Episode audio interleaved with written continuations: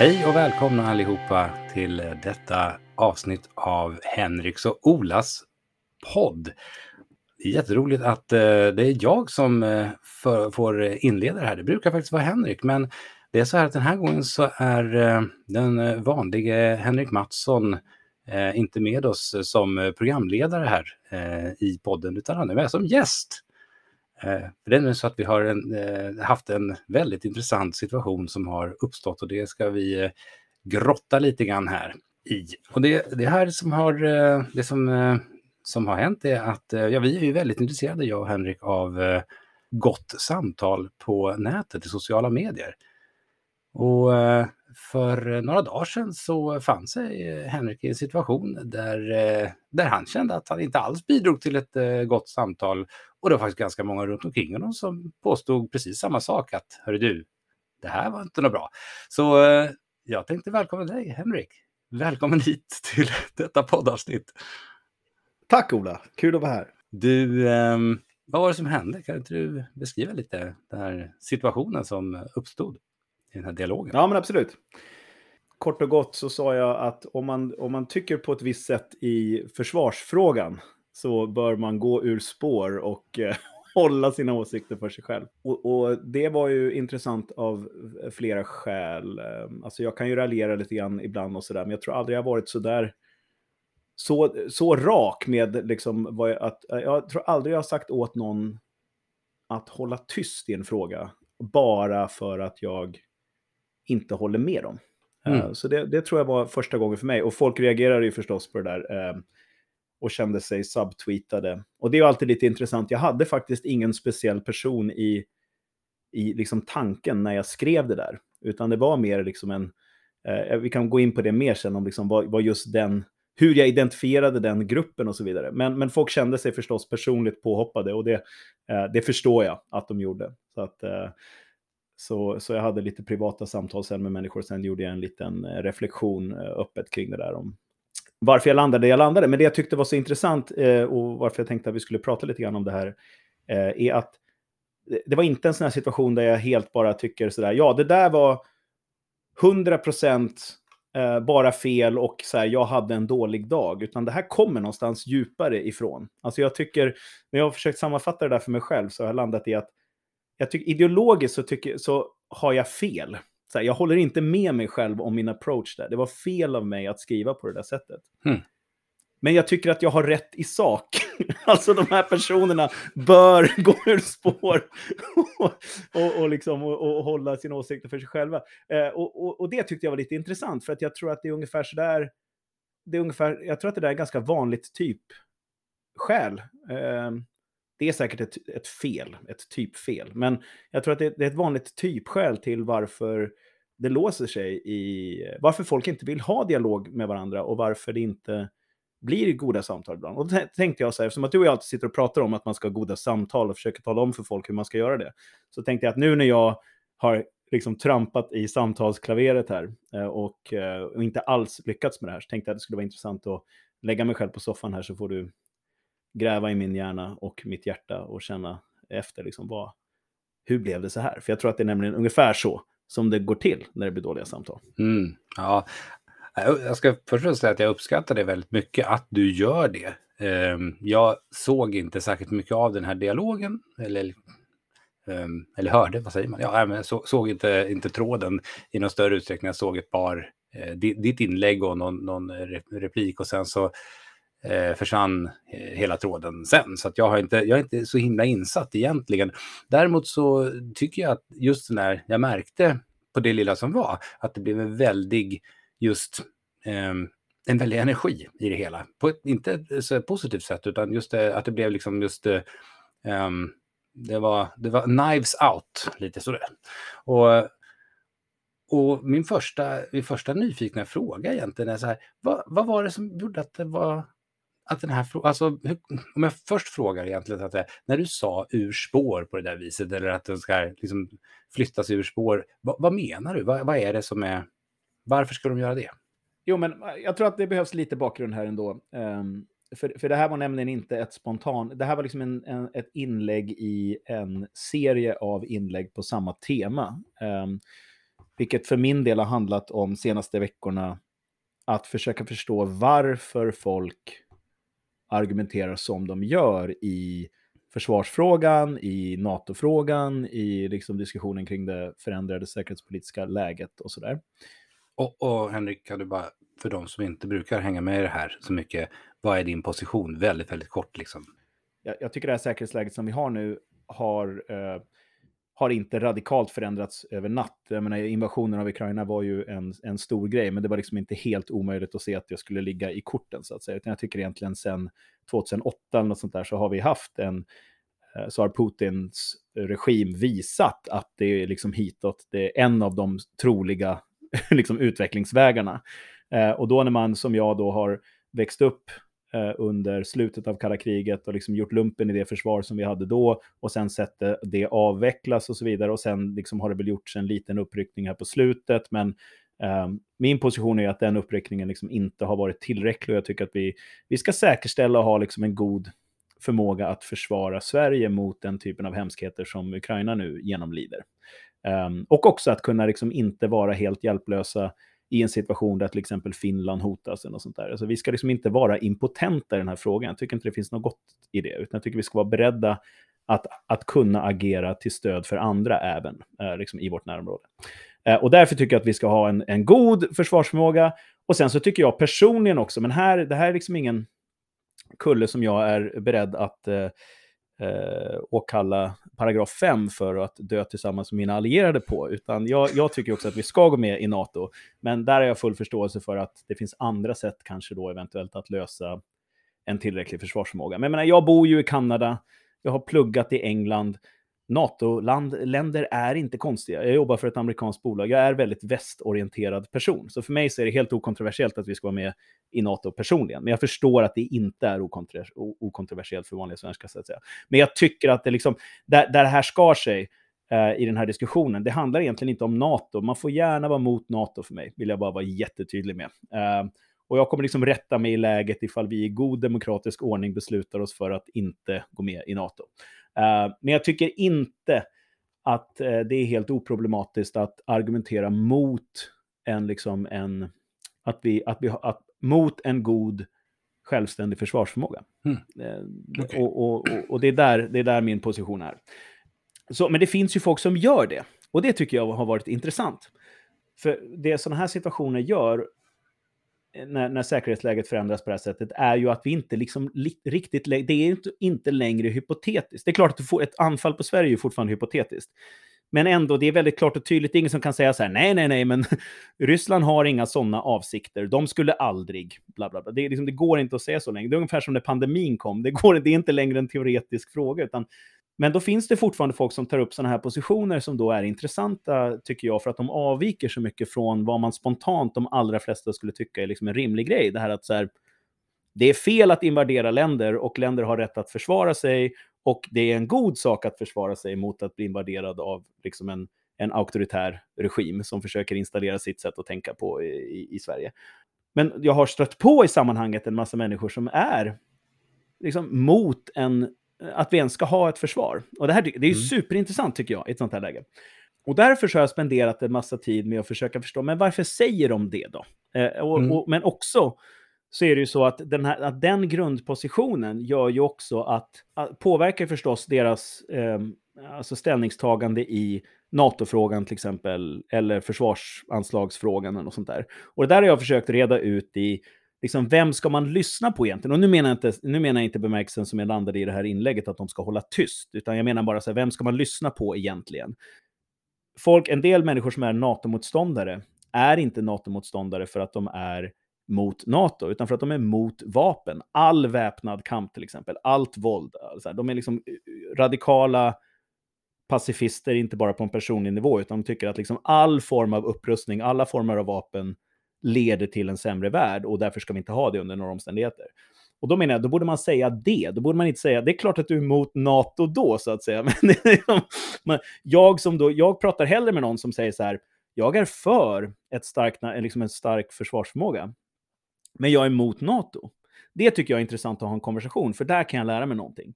För det är liksom, vi har samma grundpelare att stå på, så att säga.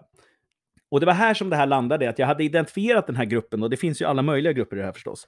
Men då hade jag identifierat den här, liksom människor som är mot, eh, mot överhuvudtaget den här idén om att vi ska ha ett försvar. Alltså jag har haft diskussioner med människor som har sagt sådana här saker som att ja, det är ju bättre att bo på Krim än att bo i Mariupol. Så här, kommer ryssen, då ska vi bara lägga oss, för det är liksom inte värt det att försvara sig. Um, och det tycker jag är en väldigt problematisk eh, åsikt. Eh, men inte mer än så tidigare. Men sen när det här inlägget kom, det föregicks av att jag satt och tittade på video, så det finns ett känslomässigt argument, eh, liksom, eh, känslomässig dimension i det här. Det föregicks av att jag satt och tittade på en massa video och fotografier från Butcha där och liksom eh, allt som de hittade där i källare och avlopp och på gatorna och sådär. och i det kände jag liksom att den här åsikten att nej men vi drar ifall att så här, jag flyr ifall ryssen kommer. Uh, Eh, där gick jag, där radikaliserades jag då kanske i, eh, till den här åsikten att har man den, har man den liksom, lever man i en värld där vi bara några, liksom, några kilometer, men liksom ändå så här, en bussresa från Sverige, har en situation där liksom fientlig trupp går in och torterar ihjäl civil befolkning och att man då ändå, av någon anledning, något skäl som man säkert då har, emot en väpnad liksom, försvarsförmåga. Att vi, att vi ska ha det. Då menar jag så här, då är man ju direkt faktiskt ett, ett sånt stort problem för oss andra att man bör gå ur spår och liksom hålla tyst om det. Eh, därför att den åsikten och att man vädrar den åsikten faktiskt har en negativ påverkan på oss andra och vår förmåga att stoppa den där typen av händelser.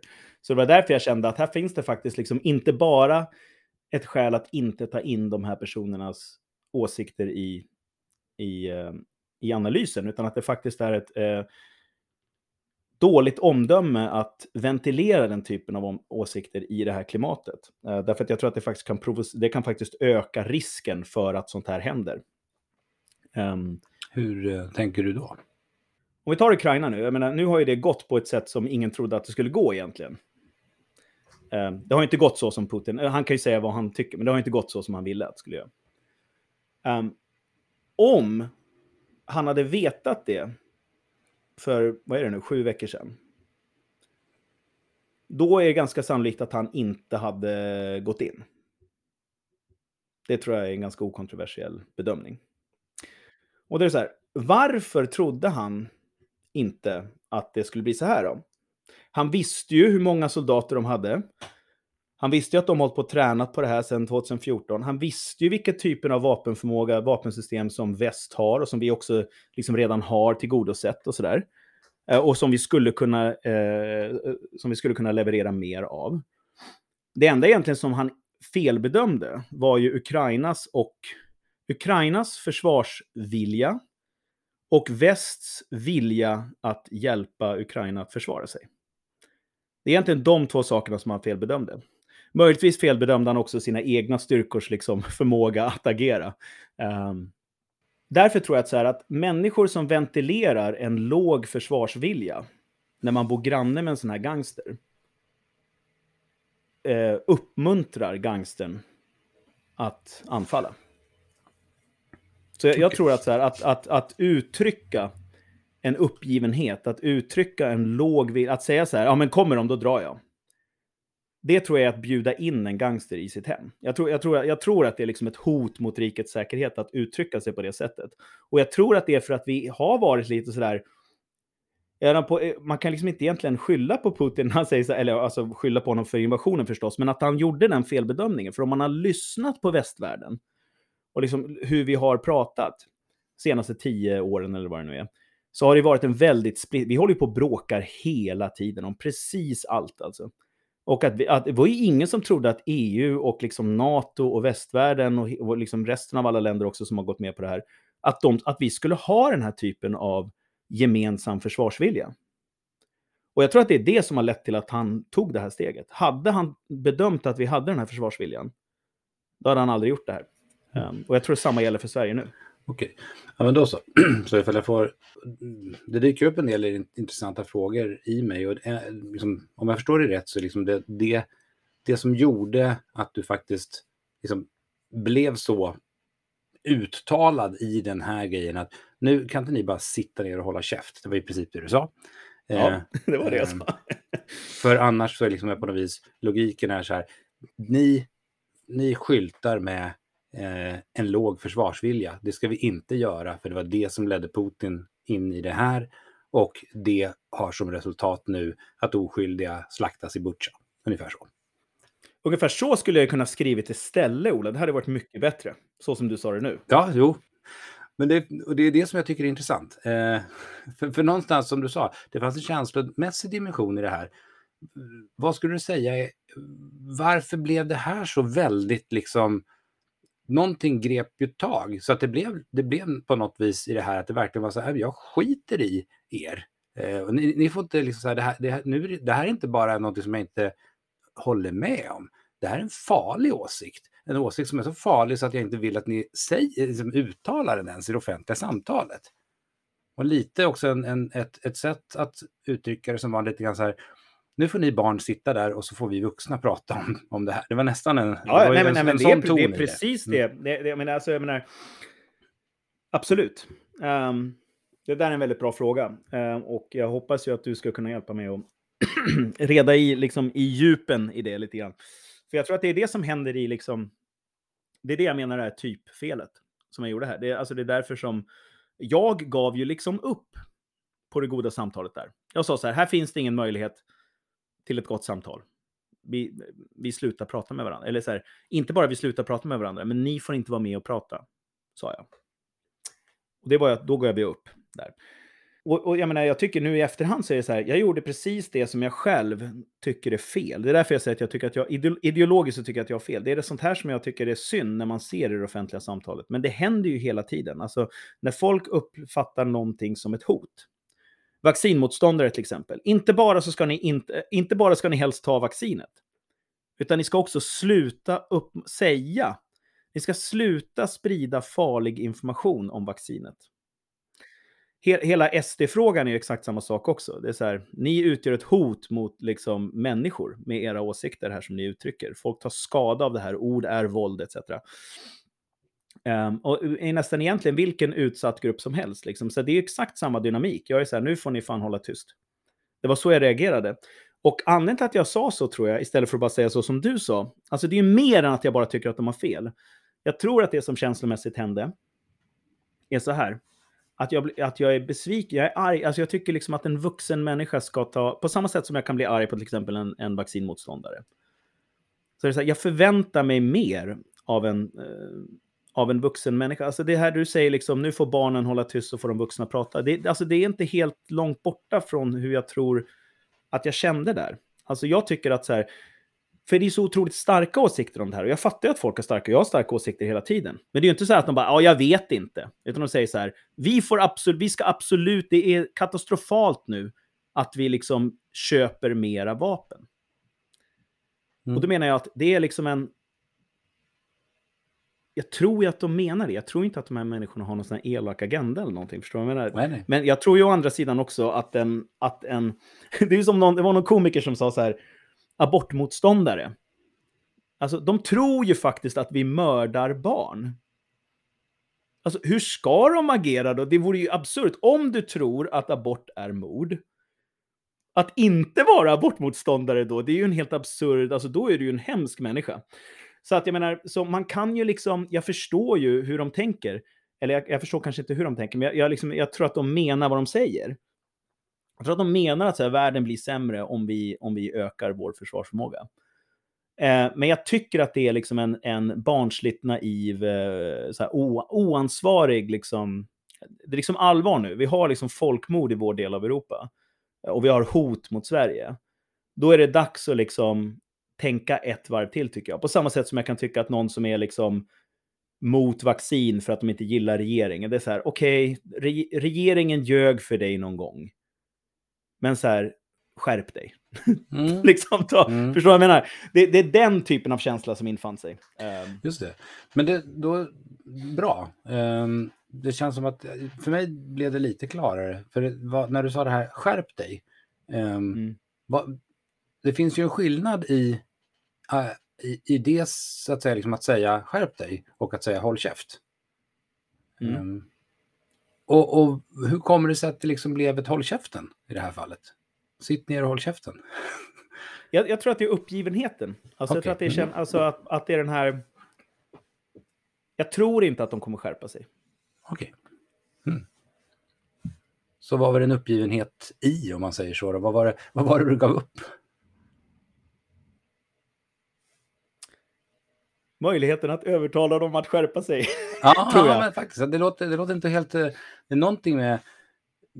gav- Alltså det, det, var någon, det var någon maktlöshet liksom så här. De, det, jag, jag kan, inte Ja. kom, kan inte komma åt dem i, i där de står, i den, alltså liksom själva utgångspunkten. Och då kan jag inte komma åt, för argumentet, det, det låter nästan som så här, argumenten eh, eh, är inte på samma, så att säga, de, de är inte på samma planhalva, de kan inte mötas där. Eh, därför att så så själva den, den moraliska utgångspunkten, ja, men om, om man tar det de hårdrar, liksom, vi får inte överhuvudtaget bidra till våld. Eh, man, får, inte- man får aldrig någonsin under några omständigheter döda. Ja, liksom, jag tänker så här om man tar en, en buddhistinställning, eh, eh så här, du får inte ens döda en, en fluga eh, medvetet. Det, det går ju naturligtvis, det, här, det är det är ju inte så att det är okända ståndpunkter, eh, men på något vis lite grann, vad är det som, så här då? Någonting i situationen nu, du sa det här, nu är det allvar. Eh, och på något vis är det lite grann som att det låter som att det finns en logik i dig som är ungefär så här. Så länge det inte är på allvar, då kan vi prata om det. Men sen, nej, nu. Nu kan vi inte hålla på och tramsa. Ja, ja, men absolut. Men alltså så här. Jag vill bara vara tydlig med en sak här nu. Att nu utforskar jag mina, mina känslor som drev det här. Mm, mm. Absolut. jag säger inte att jag har rätt här. Okej? Det säger inte att jag så heller, det kan jag säga. Nej, nej, nej absolut. Nej, men jag vill bara vara tydlig med det. Jag argumenterar inte för... Det här är inget försvarstal, utan det här är liksom en... Jag försöker utforska den ståndpunkt som drev mig in i det här beteendet som i sin tur ledde till ett dåligt samtal. Det är det jag försöker utforska. Jag tror, att det, jag tror att det går djupare än så här, därför att jag har en väldigt djup respekt för pacifister. Alltså folk som använder icke-våldsmetoder nästan oavsett. Och det här, det finns ju massa sådana i historien. Och det finns ju massa sådana just nu också. Vapenvägrare. Jag har inga problem med vapenvägrare. Om de gör sin civilplikt. Alltså ingen behöver skjuta någon för mig. Det finns, massa saker vi behöver göra i händelse av en krig. Du kan eh, köra vattendunkar. Om du, eller du kan... Du vet, det finns, alltså det finns ju... Eh, vi behöver, alla behöver inte hålla på och hålla vapen i hand och, och liksom döda. Det, det är inte det som är... Jag har inga problem med vapenvägrare överhuvudtaget. Jag har inga problem med, med pacifister. Tvärtom så har jag faktiskt en liksom... Något sån här, alltså vem kan inte ha respekt för liksom Gandhi?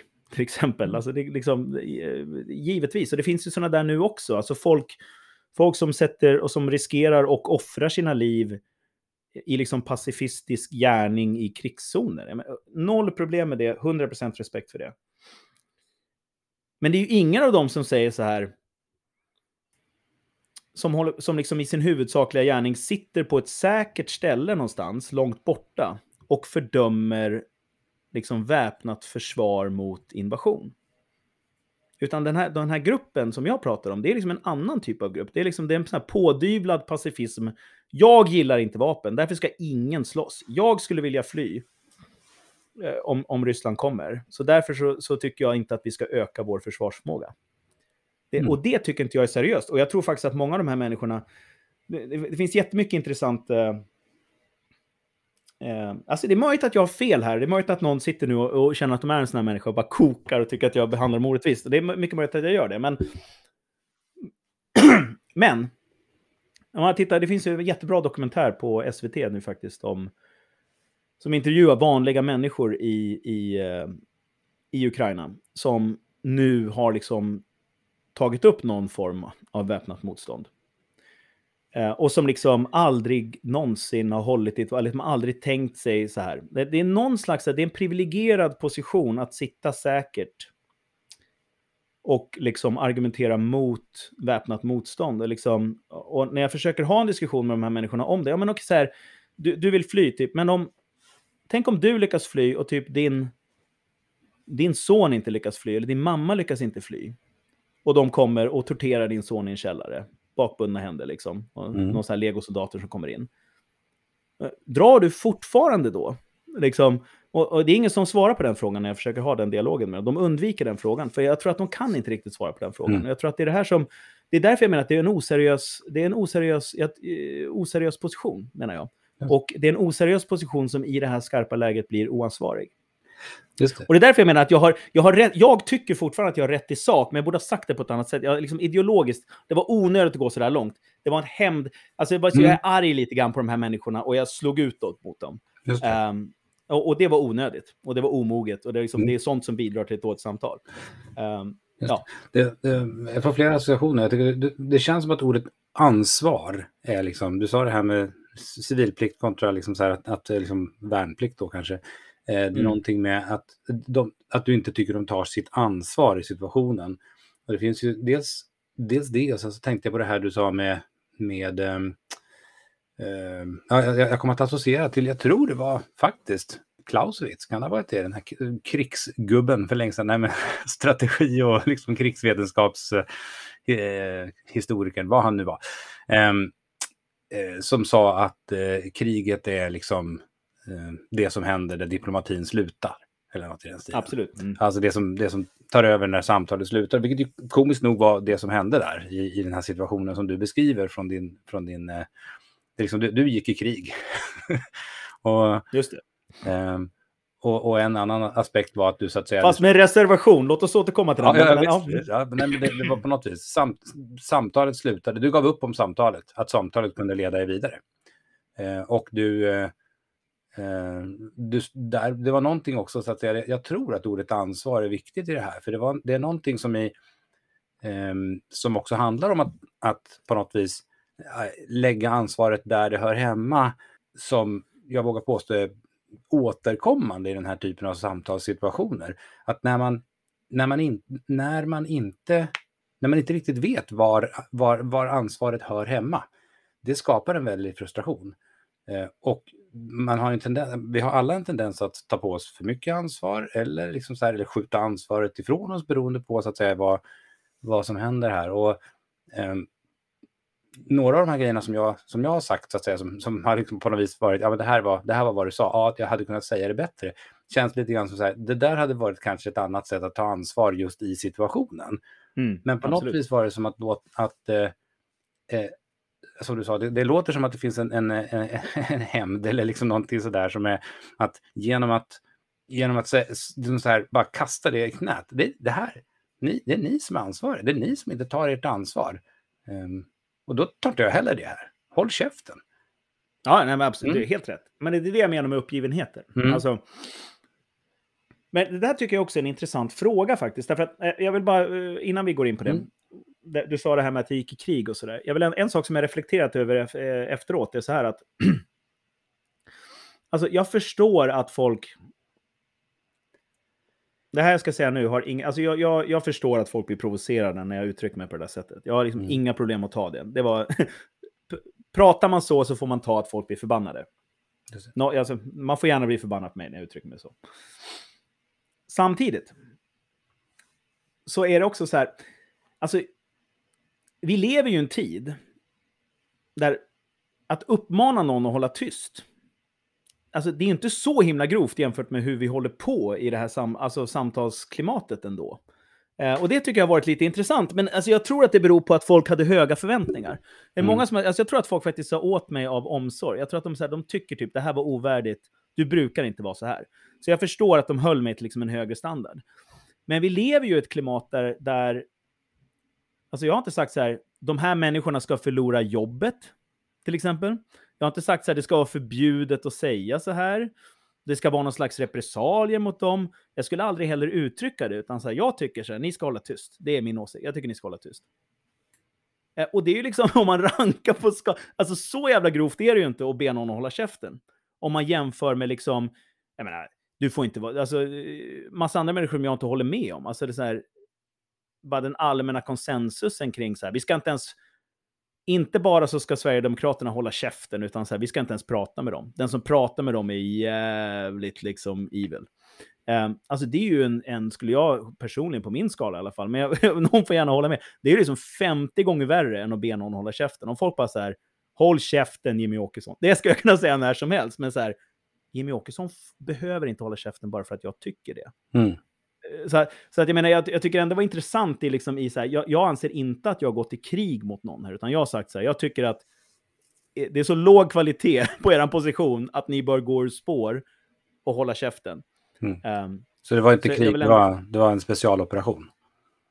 ja, exakt! Precis. Precis.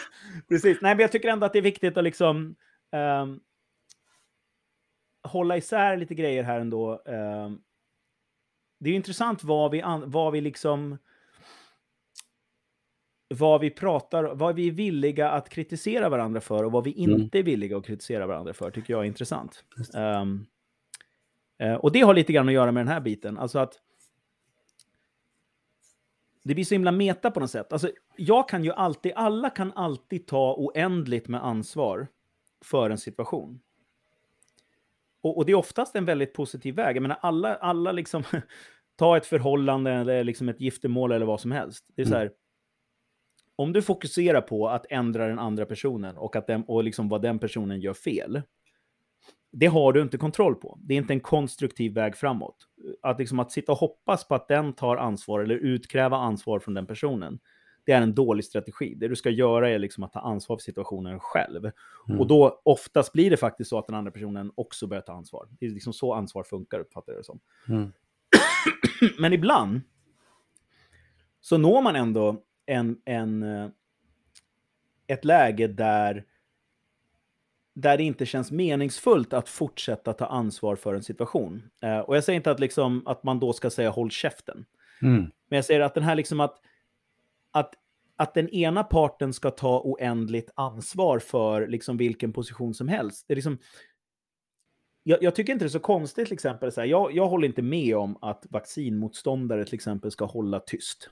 Mm. Jag tycker man ska få säga, jag, jag tycker vacciner är farliga, så här, även om det inte är vetenskapligt bevisat. Jag tycker man ska få säga det. Mm.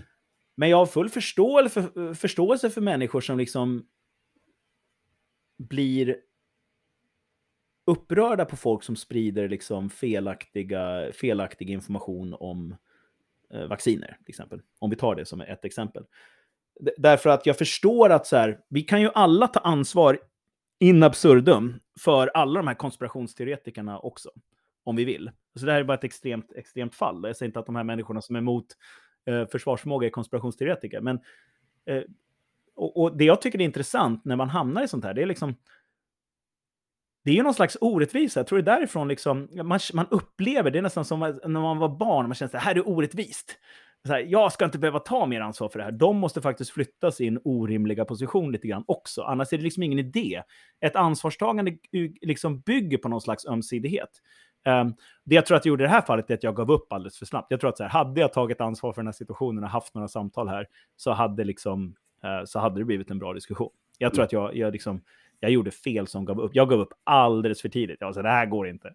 de, är, mm. de är dumma. Uh, ja, nej, det blir en, en, fråga som dyker upp är så här. Dels, så att säga, kan du se att, för, för jag tror nämligen så här. Eh, jag säger inte med nödvändighet att det är, är, är fel att ge upp för tidigt. Eh, det, är, det är aldrig för sent att ge upp, det är aldrig för tidigt att ge upp. Nej, men det finns någonting så här, när du sa så där, jag tror att jag går upp alldeles för tidigt. Ja, jag tror att om du skulle ha fall, liksom, eh, varit i din vanliga, alltså så som jag känner dig som, som debattör på nätet, så, eh, så, är, så är det ju det som är din styrka. Jag tror det, du har också fått feedback precis på den grejen, att du, eh, att du faktiskt kan hålla dörren öppen, fortsätta samtalet väsentligt mycket längre än andra. Och du är ändå väldigt tydlig, skarp i konturerna om man säger så, i vad du tycker och tänker. Eh, mm. och liksom låter argumentet gå före. Och jag tror att det är mycket riktigt så att det är väldigt många som, har som blev besvikna i den här situationen. Och någonstans så tror jag att det är så där, vi är synnerligen känsliga som, som vuxna människor eh, och i, jag gissar, de här människorna som det, som det har handlat om, som du har debatterat emot, eh, förmodligen inte några dumbommar heller, utan eh, verserade och, och liksom Tvärtom kunniga. trevliga, intelligenta människor. Precis, trevliga, intelligenta människor. Eh, och där, just därför att då bli så att säga nerskjuten med, med, ett, med ett du har inget att tillföra, håll käften. Ehm, blir ju, blir, blir, det, blir, det kan ju slå väldigt, väldigt hårt. Det jag skulle säga var liksom samtidigt att så här, det finns någonting i den här att om man är beredd att, att ta, eh, ta förlusten i det här av att ha gjort det, att ha gett upp för tidigt och sen säga säga det du uh, lite grann också har sagt och varit, liksom, haft de här dialogerna redan, vad jag förstår, med de här människorna. Kan du se någonting komma gott ut från det? Liksom jämfört med ifall du hade kört det vanliga race om det inte hade blivit den här situationen. Vad, vad, vad ser du som möjliga medtag från det här? Dels så tror jag att så här, när, när saker sätts på sin spets så uttrycker, det var någon som, det var en kompis som uttryckte att när jag beter mig på det där sättet så känns det inte tryggt att argumentera på min vägg till exempel. Och det är ju eh, en väldigt bra observation som jag håller helt med om. Mycket bra feedback. Eh, det vill ju inte jag. Och det, eh, det är en av de sakerna som jag har insett tack vare det här. Så jag har insett liksom fått mera... När vi pratar om samtalet så är det lätt att prata om det i det lilla. Alltså, nu pratar vi om den här frågan just nu mellan de här personerna. Men vi pratar ju också om samtalsklimatet, alltså samtalet i det stora. Lite grann så här, vi har ett pågående samtal om en massa olika saker. Och en sak som jag eftersträvar är ju att det ska kännas tryggt på min vägg. Mm.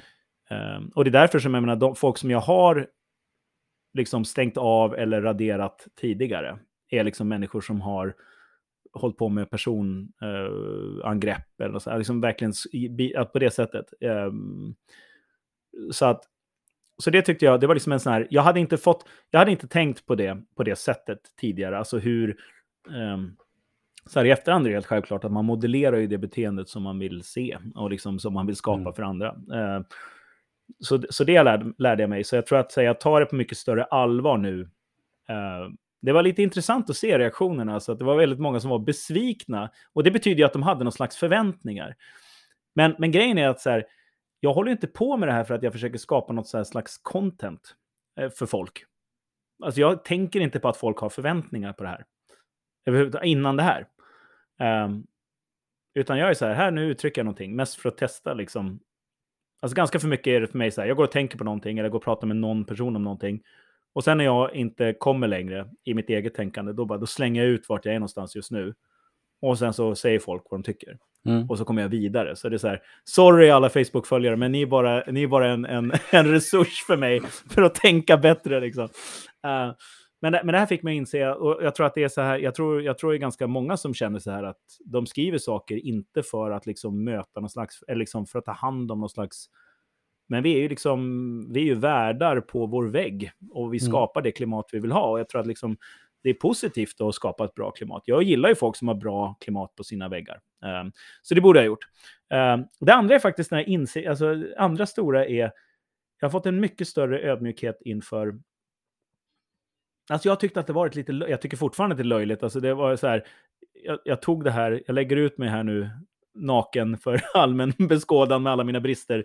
För att jag tycker att man ska bete sig på det sättet när man har gjort fel, så att säga. Men men det var lite pinsamt, alltså jag gillar inte, jag, jag, jag, jag ser ner lite grann på, på den typen av beteende som jag själv uppvisade här mm. nu. Alltså jag tycker att jag ser ganska mycket sånt i debatten. Alltså det är väldigt många människor som tycker att stora grupper ska hålla käften mm. och inte få vara med och bestämma. Alltså det är ju verkligen eh, liksom the sign of our times på något sätt. Eh, och det gäller alla frågor där man uppfattar någon slags hot och sådär. Och jag har alltid tyckt att så här, oj vad alltså, så jävla farligt är det väl inte. Låt dem så här, jag håller inte, jag håller inte med. Eh, jag håller inte med folk om grejer hela tiden, men liksom, jag kan väl prata med dem. Det är inte så himla farligt. Varför blir folk så upprörda? Och nu när jag själv blev upprörd så har jag fått en liten sån här, oj, jaha. Mm. Det är så det funkar för folk. Ja. Uh, så det var väldigt nyttigt för mig, tror jag. En ökad empati. Mm. Ja, det där, det där tror jag... Ja. Andra. Va, va, vad skulle du säga om du sätter fingret på, vad var det som vad var det som var pinsamt? Liksom, var sitter pinsamheten? För mig menar du? Mm. Nej, men just det där att, att jag gav upp för tidigt tror jag. Mm.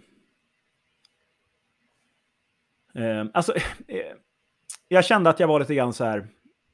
Jag tycker att mitt agerande var som det, det, finns folk eh, som jag har pratat mycket med här i Kanada, för det, vi har ju den här eh, trucker-rörelsen här nu som är emot eh, mm. eh, vaccinerna och så.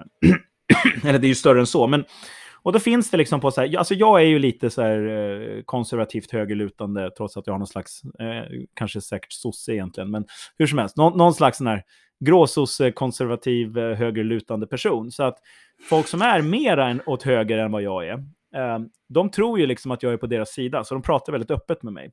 Och det är väldigt många så här vuxna människor, män ofta, som, eh, som under den här pandemin har liksom verkligen hängivit sig åt det här anti-etablissemanget. Typ så här, så här.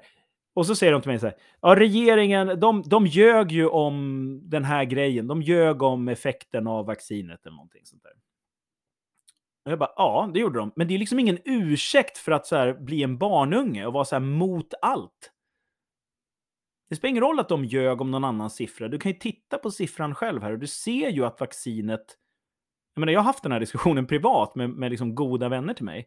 Som är liksom medel, medelålders vuxna högintelligenta utbildade människor som beter sig som barn för att de liksom är så här, nej, nu, ja, nej, nej, de ljög för mig, så nu ska inte jag tro på någonting. Så, men du har väl fortfarande hjärna? Du kan väl fortfarande liksom skapa dig en egen uppfattning. Liksom.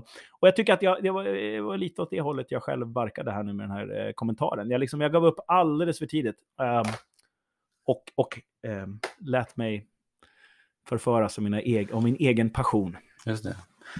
Du blev en trotsig barn. Och det var lite pinsamt. Eller hur? Ja, precis. Ja. Och det var lite, och det var lite ja. pinsamt. Ja, det förstår jag. Jo, nej, men det, det, det, och där tror jag finns en del i den här också, apropå det här med, med, med tryggheten, tycker jag. Det, det, jag tänker på det, liksom just att du, som du säger, man modellerar genom sina, genom sina handlingar. Och det är ju faktiskt så att du har aldrig utlovat någon trygghet, om man säger så. Då. På sätt och vis kan det väl vara så här, liksom att genom det där så ger det ju tillåtelse till folk att vara trotsiga barnungar som säger nej, nu får du, du får hålla käften. Och det, det är väl så att säga, det, det har du väl gjort tydligt nu att det är egentligen inte där du, du vill stå, du vill ha, det är på något vis, men, men på något vis ett ord som dyker upp för mig, så här, att kunna ha ett vuxet samtal. Um, och att där finns en, en kärna i, i vad du vill åstadkomma också i de här sammanhangen. Och det är väl också det som folk väldigt ofta har, har, eh, har kunnat ge som återkoppling, att, eh, att samtalet har varit vuxet och i relation till det så blir det här liksom väldigt tydligt ett, eh, eh ja, men ett, ett, ett brott mot den normen. Eh, men det, jag tror också att det, det är det som det låter, som det, liksom det kommer ifrån, är att när det blir någonting som vi, som vi verkligen, verkligen är benägna att eh, eh att försvara, ja, men då, då blir vi, eller liksom, då blir vi, då blir vi ett djur så att säga. Vi blir mer av våra reptil, eh, reptilreflexer, vi blir mer av det här liksom, eh, limbiska systemet, heter det, vara snabba och, och sådär. Och, och, och liksom just det, det långsiktiga och det, liksom de bitarna, det kult, kulturmässiga, utan det är bara här och nu så, um, ja men det är, det är sånt som händer, till och med alltså, um, lugna, sävliga personer som jag skulle ju kunna liksom säga, snabbt bara klippa till någon i ren i, i affekt. Liksom. Eh, fast det, all, det har aldrig hänt just mig, men jag ser ändå liksom, det, är inte, det är inte orimligt. Jag hade en sån situation eh, som, som apropå det där med, som också relaterar till den här frågan om, om barn och som jag kom att tänka på nu när du pratade, Det var min, min eh, eh, jag hade ett, ett, samtal på telefon med min, med min far som eh, ehm, som då alltså till saken hör att han, har en, eh, han är eh, diagnostiserad med en demens. Och eh, eh han är eh, synnerligen besviken på mig och mina bröder just nu för att, eh, som han tycker då, att vi har, ja, vi har lurat honom och fört honom bakom ljuset och så vidare under lång tid i samband med att, att vi har hjälpt dem att flytta från sitt hus. Ehm, Mm. Men eftersom det här är inte någonting som han själv har, alltså han har inte haft den impulsen, det är mer att vi andra har sett att det här behövs. Och i och med att han själv inte längre har de förmågorna, eh, pannloben och allt det där, det funkar inte som det ska. Så, ehm, eh, så blir det att liksom, han tar väldigt mycket emot de här sakerna som, som saker som han blir arg på. Eh, så han blir arg på mm. mig, och han blir, alltså med, med jämna mellanrum. Sen kan vi ha jätteschysst och så, men, men då och då så när han kommer på det här, kom, det kommer över honom. Och Och det är, liksom, det är ju också så att väldigt mycket av hans saker, saker som han har velat ha, hans hus, allt det här, alltså det, det är sånt som han har hållit väldigt, väldigt kärt. Och nu har han inte dem längre. Och när han kommer på det, då går han in i ett, ett tillstånd av väldig eh, ilska och frustration. Och här, eh, häromdagen så pratade jag med honom på telefon om detta och han eh, skällde ut mig eh, för detta eller liksom så var väldigt, väldigt så här konstaterade att nej men det, det går det ju inte att lita på. Och då blev jag arg. Eh, och jag lät mig själv bli det. Alltså det är en sån där grej, jag brukar inte bli, låta mig själv gå in i i ilska på det viset när jag pratar med honom eftersom det är så här i grund och botten, äh, vad hjälper det? Så, så dyker det upp för mig. Men mm. här bara så här, ja, å andra sidan, det spelar ingen roll. Han kommer ju ha glömt att jag har blivit arg på honom. Så att, eh, så att, ehm, så att ja, och det, det, kan låta, det kan låta hemskt och det kan låta paradoxalt. Men där och då så var det verkligen så här att... att det lät bara... mänskligt tycker jag, Ola. Ja. Det får du också vara. Tack, precis. Det är utmärkt så. Och det är det jag vill komma fram till. På något vis just den grejen att där och då så, så eh, skällde jag ut honom efter noter och det var faktiskt det var skönt och jag tror inte att det är någonting som på lång sikt kommer att drabba vår, vår eh, relation. Um, men just den där grejen att faktiskt på något vis så absolut så hade jag kunnat få dåligt samvete och känna att det liksom så här, nu tog jag inte mitt ansvar i, i den här situationen. Men det är någonting också med det här med att att, att, att förstå, precis som du säger, att vara okej okay med och, och, och eh, förlåta sig själv för att man faktiskt gör det där som man liksom, ja men det här är, det här är nedanför mig, alltså, jag kan inte skälla ut en, min dementa pappa.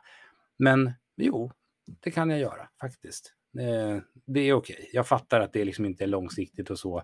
Det, det, jag, alla de här sakerna gör jag med, med kärlek. Um, och liksom det, det, kom, det, kommer någonstans ändå liksom hela tiden tillbaka till en, till en bra plats i mig själv. Och jag tror att det är väl någonstans i, i det, när jag hör dig prata om den här situationen, det är en ganska liten grej. Men, men det blir ändå på något vis, den säger rätt mycket om vem du är i relation till det här med vad du vill åstadkomma. Um, även om du som sagt, du har aldrig lovat det. Och det, du använder din vägg på Facebook för att, för att säga saker som du tycker och tänker. Och det kommer ju någonstans ifrån. Det kommer ju från en drivkraft som handlar om att du vill, ja vad ska man säga, på ett sätt vill du förändra världen. Alltså du, du, vill, du vill bidra till, till, en, till någonting som du tror är bra för världen. Och, eh, och det är väl just det här att fatta att när en sån här grej händer så är det någonting som du säger, du blir, upp, du blir uppgiven. Du bara släpper så här, det, de här är ju fullkomligt, alltså de här är fullkomligt omöjliga att, eh, att ha att göra med när det gäller det här, för de har ju inte fattat själva grundfundamentet i hur, hur världen funkar. Och samtidigt säger du sen ungefär att eh, å andra sidan så är det väl just det som är problemet, att vi har väldigt, väldigt olika grundfundament i det här. Och det är liksom, um, det kommer vi inte åt hos varandra. Och det är det som är så fantastiskt med den här världen, att det gäller ju överallt, att vi sitter med väldigt olika grundfundament, men vi är lik förbaskat så blir vi tvungna att hela tiden försöka hitta varandra här och nu i en viss situation och, eh, eh och komma vidare. För att slippa hamna i krig hela tiden. ja, precis. Ja, ja, fin reflektion där. Det är ju bra att du... Jag tror det är viktigt också att, att jag menar, det är bra att du är modigt av dig att dela med en sån... Eh, det är ganska lätt för mig här att sitta liksom, ah, jag, jag gjorde bort mig på sociala medier, men uh, liksom, eh, det här du delade nu är ju liksom ännu svårare, tror jag, att, um, att prata om när sånt, där, när mm. sånt där händer. Så att, tack för att du delade den. Jag tror att det är bra. Jag tror det är många som är i sådana där situationer hela tiden. Och sen så säger man inte det ens till sig själv egentligen. Och jag tror att det är det som är liksom...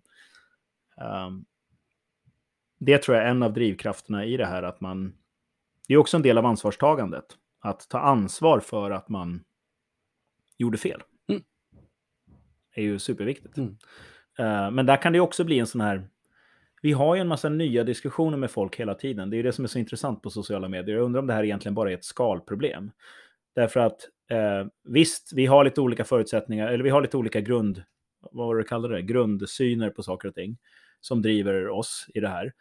Eh, men jag menar, det finns ju oändligt många sådana. Och det är klart att man är, det blir ointressant efter ett tag också. När man har hållit på och diskuterat frågor väldigt djupt så kommer man ju faktiskt också framåt. tillsammans med andra i det. Och, grund, liksom, och att då behöva börja om för att det kommer en massa nya människor som liksom inte har hängt med på den resan. Mm. Um, jag säger inte, de har ju också haft sin egen resa. Det kanske är så, de känner ju säkert samma sak, att så här, behöva börja om med den här jävla dåren som tror att det här kommer bli redo åt det här hållet. Liksom.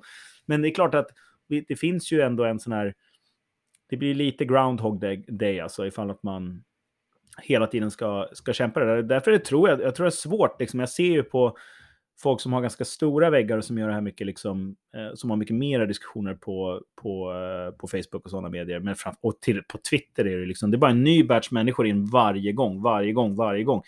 Eh, så det är klart att jag fattar också att folk tappar, ehm, tappar tålmodet. Eh, tappar tålamodet i, i, i det här. Jag tror att det är det som är... Men jag tror att det är viktigt att ta ansvar för det. Och det tror jag är en annan grej, att liksom försöka tänka på, gör vi alltid det? Eh, för det uppfattar jag liksom en... eh, nu gjorde vi det här då, liksom. Mm. jag för min dialog här på Facebook och du för din dialog med din pappa här senast. men jag tror här, liksom, apropå det egna ansvarstagandet, man kanske inte alltid kan ta ansvar i situationen, men man ska ta ansvar efteråt i alla fall. Och här tror jag att det saknas, jag tror att i det finns det ju också en så här, ju längre tid det tar innan man tar ansvar för ett beteende som man själv vet att man borde ta ansvar för, desto jobbigare blir det att komma över den där. Ehm, det är så mycket enklare att liksom, ja, det finns säkert några fina psykologiska termer för det här, men det är mycket enklare att bara liksom ehm, lägga bort den skulden, det ansvaret någon annanstans. Mm.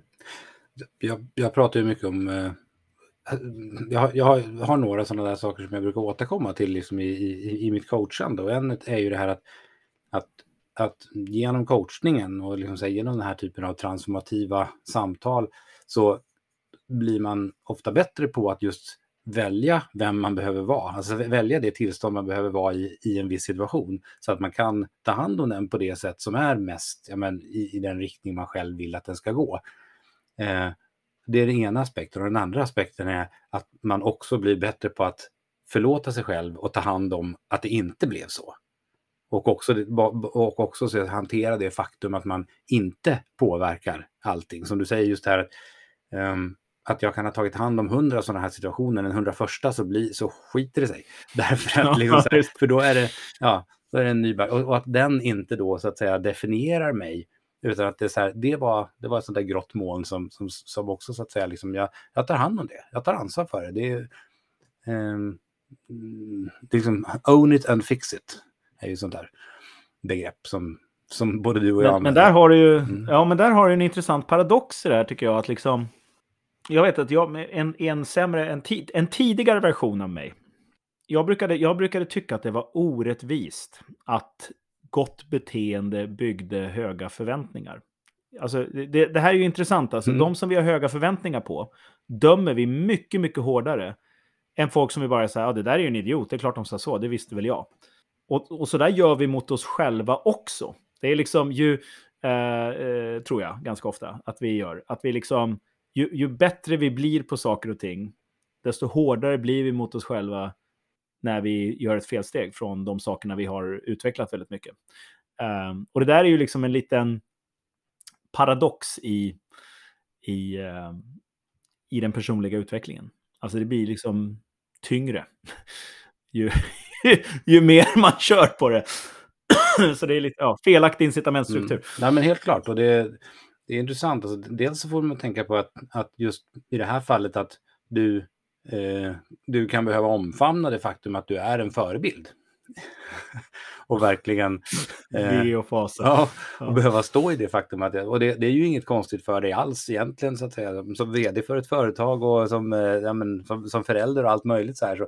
Men, men att i det här sammanhanget så är det också det att, att kunna vara en förebild utan att det... För jag tror att det liksom just här att kunna vara okej okay med att att, eh, att det inte ska leda till att du plötsligt ska ställa en massa, eh, eh, vad kan man kalla formalitetskrav eller vad man ska kalla det. Liksom så här, ja, nu, nu när jag är en förebild, då får jag inte agera, liksom, men att du har, fortfarande har åtkomst till att kunna agera fritt i det här. Um, men också, men det, och där, det kommer ju också, möjligheten till det kommer ju också genom att se så här, här blev det inte bra, här gjorde jag fel, det här var mitt ansvar, det här var däremot inte mitt ansvar, men nu lägger vi det bakom oss.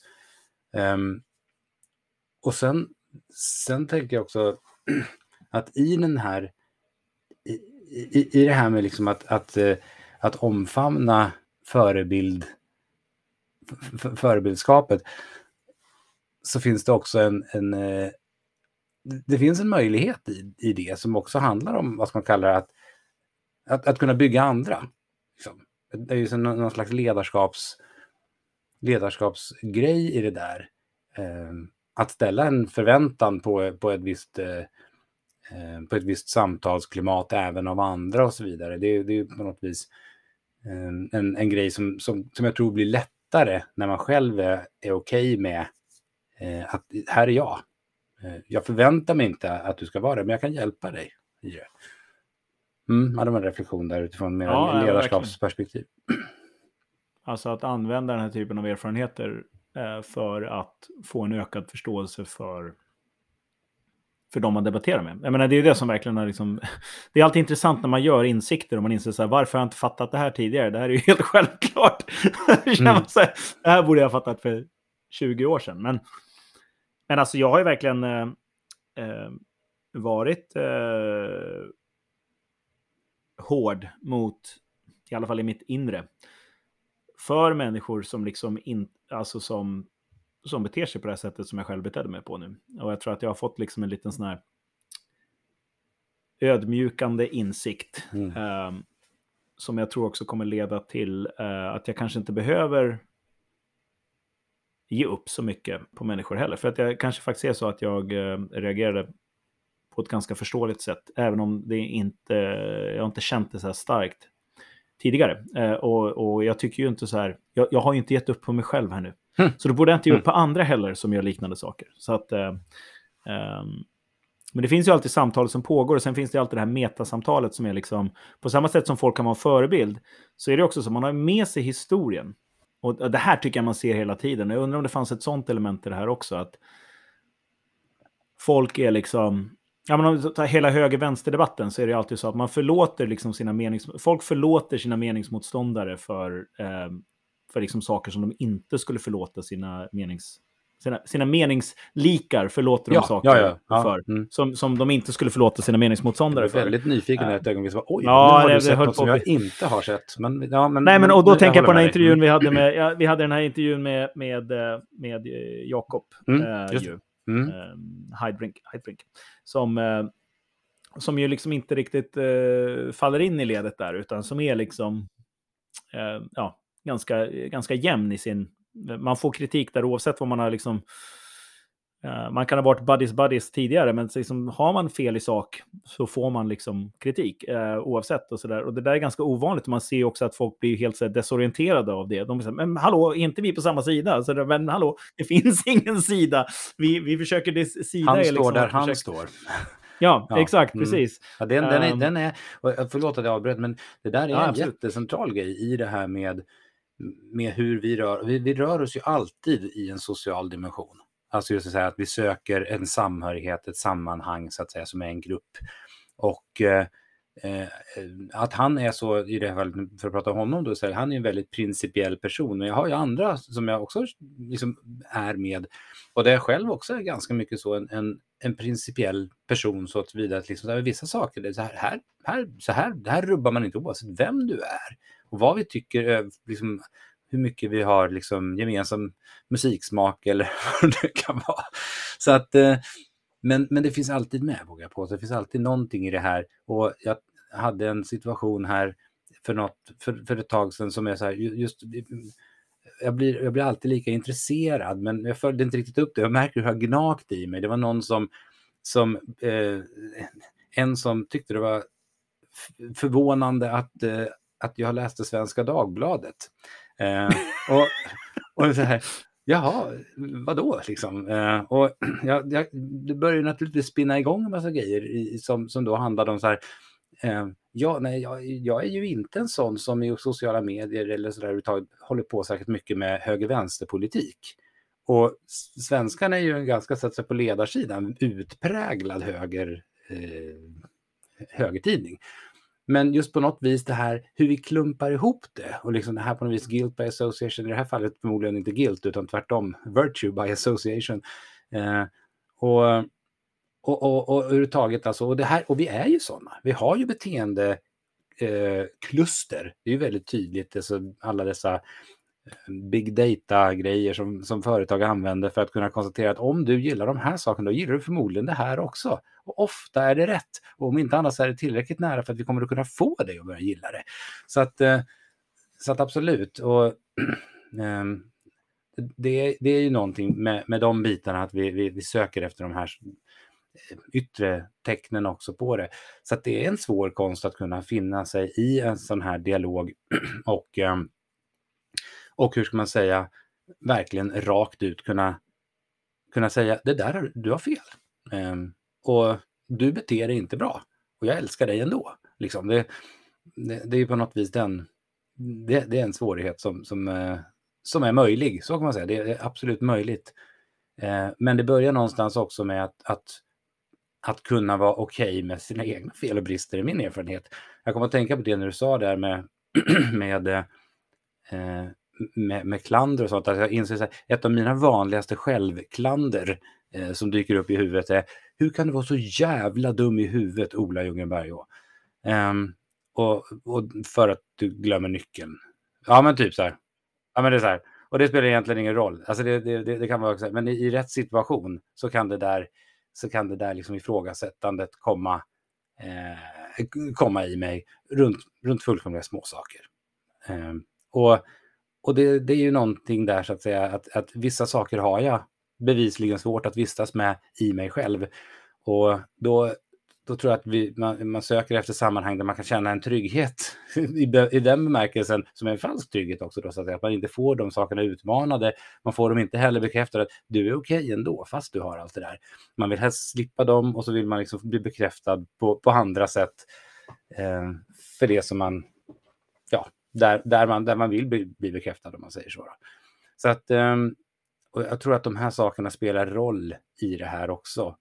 Um, för den här upplevelsen av, av, av trygghet. För det finns ju någonting så här, ja, ja det är absolut så, om man pratar psykologisk trygghet så uppstår den ju i väldigt stor utsträckning genom att, att man känner att jag får vara med, jag får bidra, jag får säga det jag behöver säga, jag blir tagen på allvar. Så att på så vis är det så att få ett så här du tycker fel, håll käften. Det är klart att det slår hårt just mot den aspekten.